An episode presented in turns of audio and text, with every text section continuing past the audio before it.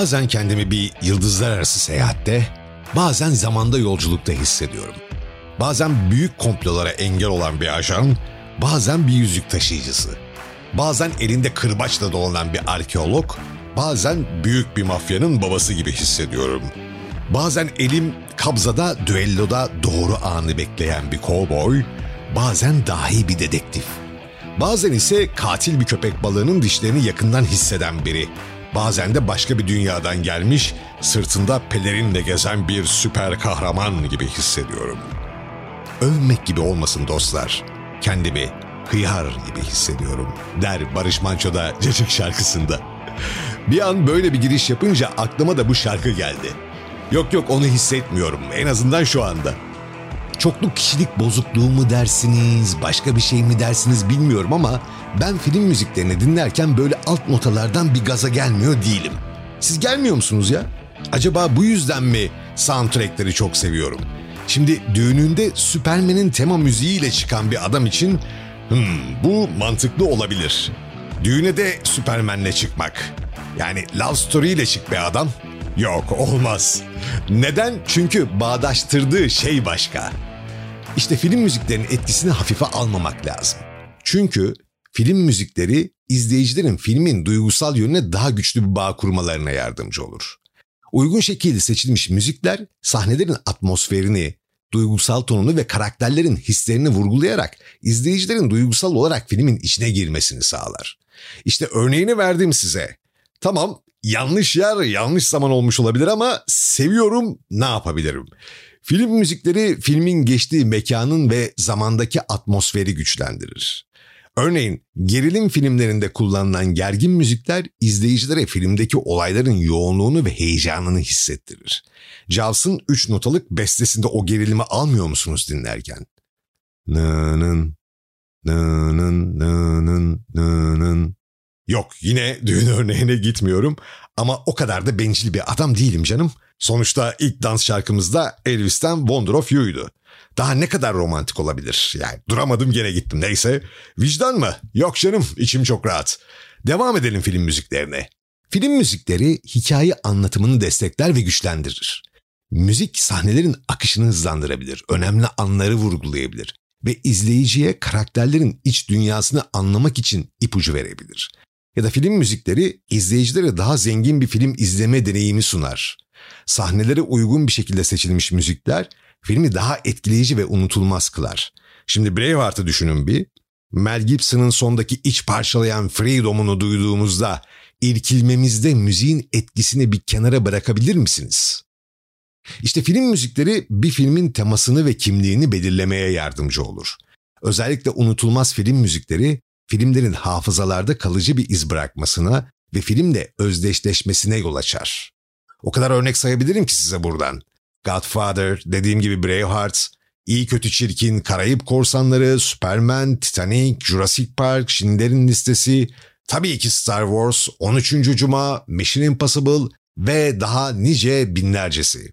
He buradan bence çok büyük besteciler. Başta büyük üstad John Williams, Hans Zimmer, Alan Silvestri, Danny Elfman, Howard Shore, Ennio Morricone'ye de ve daha nicelerine de selam olsun.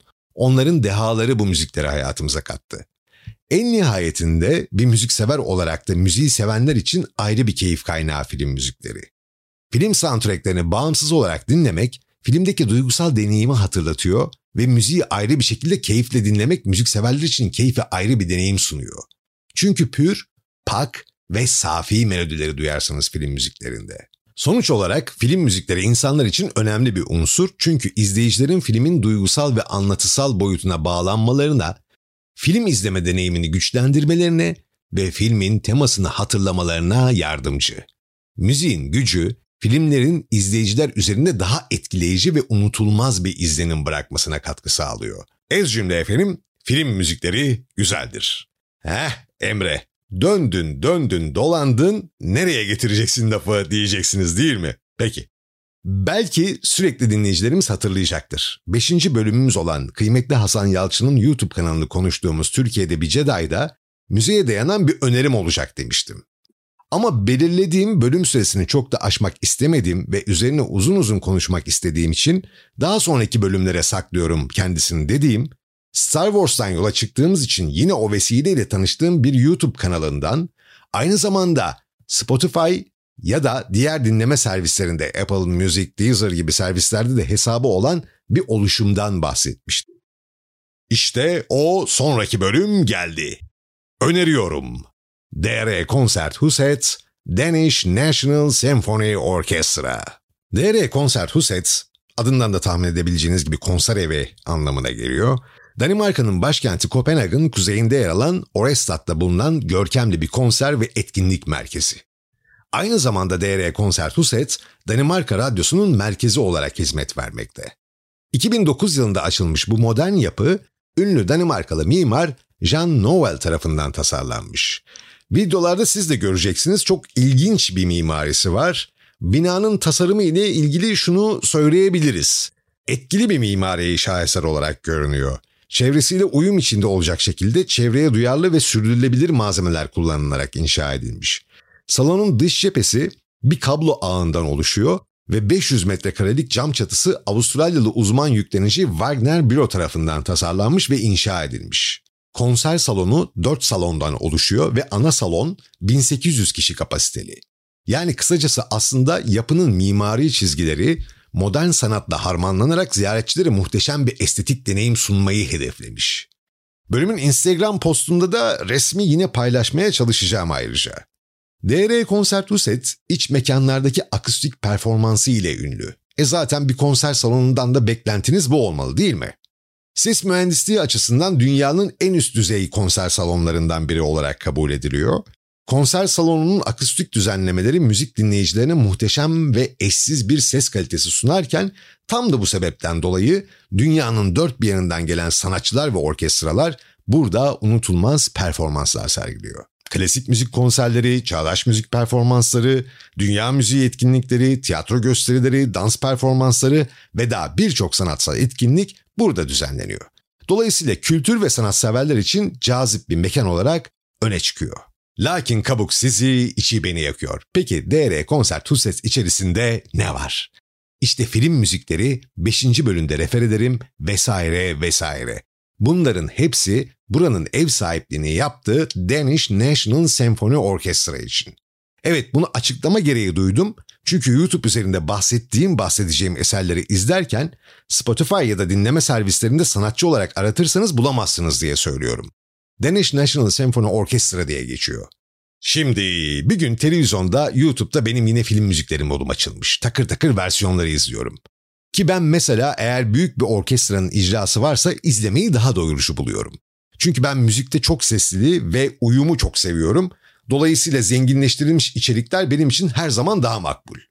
Neyse işte bu sekmeler esnasında karşıma çıktı Deniz Senfoni Orkestra tarafından icra edilen Mandalorian yorumu ve samimi olmak gerekirse daha önce de söylemiştim bana orijinalinden bile daha güzel ve görkemli geldi. Sonra dedim ne menen bir şeymiş bu orkestra. Bakalım başka ne yorumlar var? Tabii ki ünlü klasik bestecilerin eserlerini kendileri de yorumluyorlar ama adamlar film müzikleri için tematik konserler de sunuyorlar. Şimdi size dinleme servislerinde albüm olarak göreceğiniz fakat YouTube'da listeler halinde bulacağınız film müziklerinden örnekler vereyim. Ağırlıklı western ve suç filmi temalı Morricone eserlerinden oluşan The Morricone Duel, The Most Dangerous Concert Ever diyor çünkü içinde A Fistful of Dollars, Hateful Eight, Taxi Driver, Untouchables, tabii ki The Good, The Bad and The Ugly, Once Upon a Time gibi efsane filmlerin efsane müzikleri bulunuyor. Mesela Galaxy Symphony diye bir albüm var YouTube için listedeyim. İçinde Avatar, Alien, Blade Runner, Interstellar, Star Trek, Star Wars filmlerinin müzikleri mevcut. Yine aynı şekilde Fantasy Symphony diye bir konser var diyeyim sizin de dinleyebileceğiniz. Onun içinde de Harry Potter, Pan's Labyrinth, Game of Thrones, The Hobbit, Bebeğim, The Lord of the Rings müzikleri mevcut. Feci keyifli. Sonra bakalım bakalım Murder at the Symphony diye bir çalışma var yine dinleyebileceğiniz. Orada da isminden anlaşılabileceği üzere aslında Sherlock Holmes, Psycho, Murder on the Orient Express gibi filmlerin, True Detective, Twin Peaks gibi dizilerin müzikleri mevcut. Geçen sene Galaxy Symphony'nin ikincisi de çıktı. Bunda neler olduğunu söylemeyeceğim o da sürpriz olsun. Bir de Hollywood Gala diye bir albüm var. Orada da karışık bir seçki bizi bekliyor.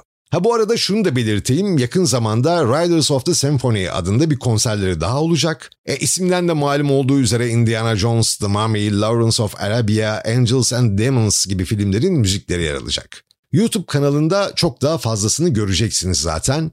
Aa bir de şundan bahsetmem lazım. Müzik servislerinde bulamazsınız muhtemelen ben görmedim. YouTube'da aynı orkestra Benedict Cumberbatch'in Sherlock'unun tema müziğini yorumluyor. Keman solosu beni benden çok uzaklara götürüyor. Tüylerimi diken diken ediyor. Mutlaka dinleyin. Bir de eğlenceli hınzırlar. Konserlerine filmlerin temalarına uygun görsellikler ve ufak şakalar da serpiştiriyorlar yeri geldiğinde. Mesela James Bond'un tema şarkısından önce orkestra şefi orkestranın başına geldiğinde bir suikastçı tarafından yere seriliyor ve tüm orkestra eseri baştan sona kendisi yorumluyor.